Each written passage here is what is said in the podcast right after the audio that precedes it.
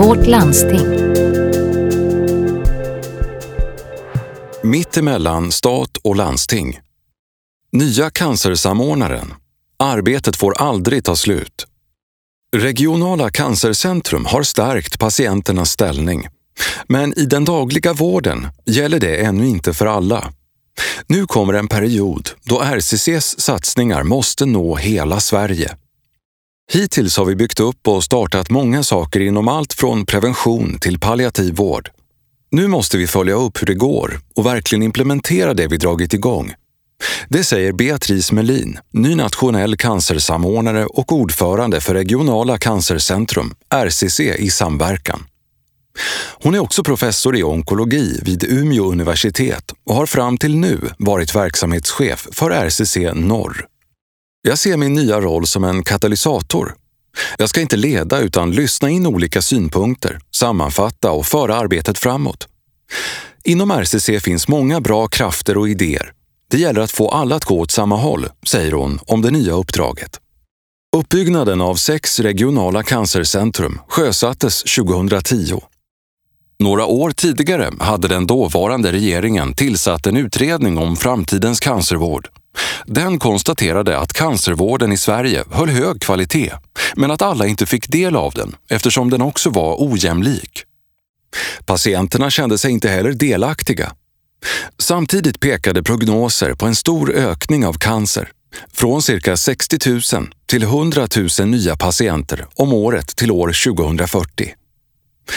För att skapa en modern cancervård föreslog utredaren bland annat en ny organisation med sex regionala cancercentrum och en nationell samverkansgrupp som leds av en cancersamordnare på SKL, Sveriges kommuner och landsting. Regeringen gick på utredarens linje. Den nya organisationen fick i uppdrag att skapa en mer patientfokuserad, jämlik och tillgänglig cancervård. Tio kriterier för de regionala cancercentrumen formulerades och de fick fyra år på sig att etablera verksamheten. Staten sköt till ekonomiska medel och Socialstyrelsen fick i uppdrag att löpande följa upp och stödja arbetet. När Beatrice Melin nu tar över uppdraget som nationell cancersamordnare och ordförande för samverkansorganisationen beskriver hon verksamheten som etablerad. Bland annat har man skapat ett 30-tal nationella vårdprogram för att göra vården mer jämlik, infört standardiserade vårdförlopp för att korta väntetiderna, utvecklat arbetet med nationella kvalitetsregister för att följa upp vården kring varje patient och börjat med så kallat ordnat införande av nya läkemedel för att patienter så snabbt som möjligt ska få tillgång till nya och kostnadseffektiva behandlingar. Den största framgången är de nationella vårdprogrammen för patienterna innebär det att det finns en möjlighet att få samma behandling oavsett om man bor i Kristianstad eller Kalix, säger Beatrice Melin. Även Socialstyrelsen bedömer i sina utvärderingar satsningen på regionala cancercentrum som framgångsrik. Några framgångsfaktorer som lyfts fram är att man lyckats förena det nationella perspektivet med det lokala självstyret, professionsdriven utveckling och hög kompetens samt lyckad patientcentrering och patientmedverkan. Som ett led i uppdraget att sätta patienterna i fokus tog RCC tidigt fram en modell för att involvera patienter i arbetet. Det finns nu patientråd både på regional och nationell nivå samt patientföreträdare i olika processgrupper. Patienternas medverkan har riktat ljuset mot bland annat behovet av att som patient få information om vad som kommer att hända under behandlingen och när. Vikten av att ha en kontaktsjuksköterska under hela vårdtiden samt behovet av rehabilitering. Patienterna har inflytande över arbetet i RCC men det som återstår är att varje patient verkligen ska ha möjlighet att påverka sin egen vård. Där finns det mycket kvar att göra, säger Beatrice Melin. Det är den stora utmaningen nu, menar hon.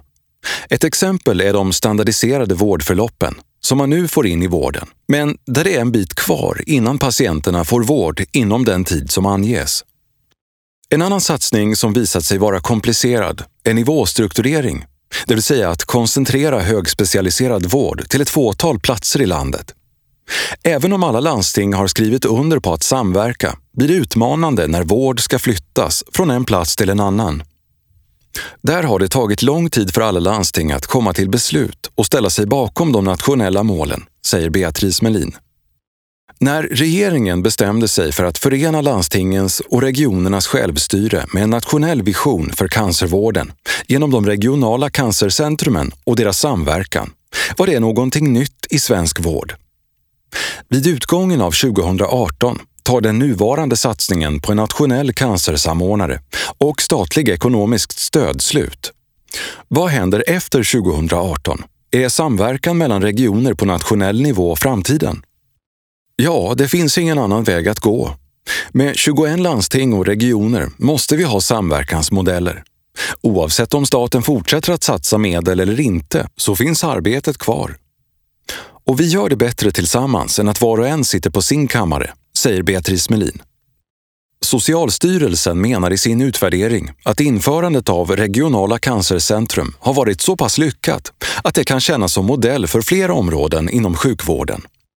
2017 kom också SKL och landstingen överens om att satsa på 22 programområden för en kunskapsstyrd vård enligt en liknande modell. Cancer är ett av dessa områden. Det är en spridning av modellen med regionala centrum till fler delar av vården vi nu ser. Men exakt hur de kommer att se ut är inte klart ännu. Förmodligen kommer det att vara oklart under en stor del av 2018, säger Beatrice Melin.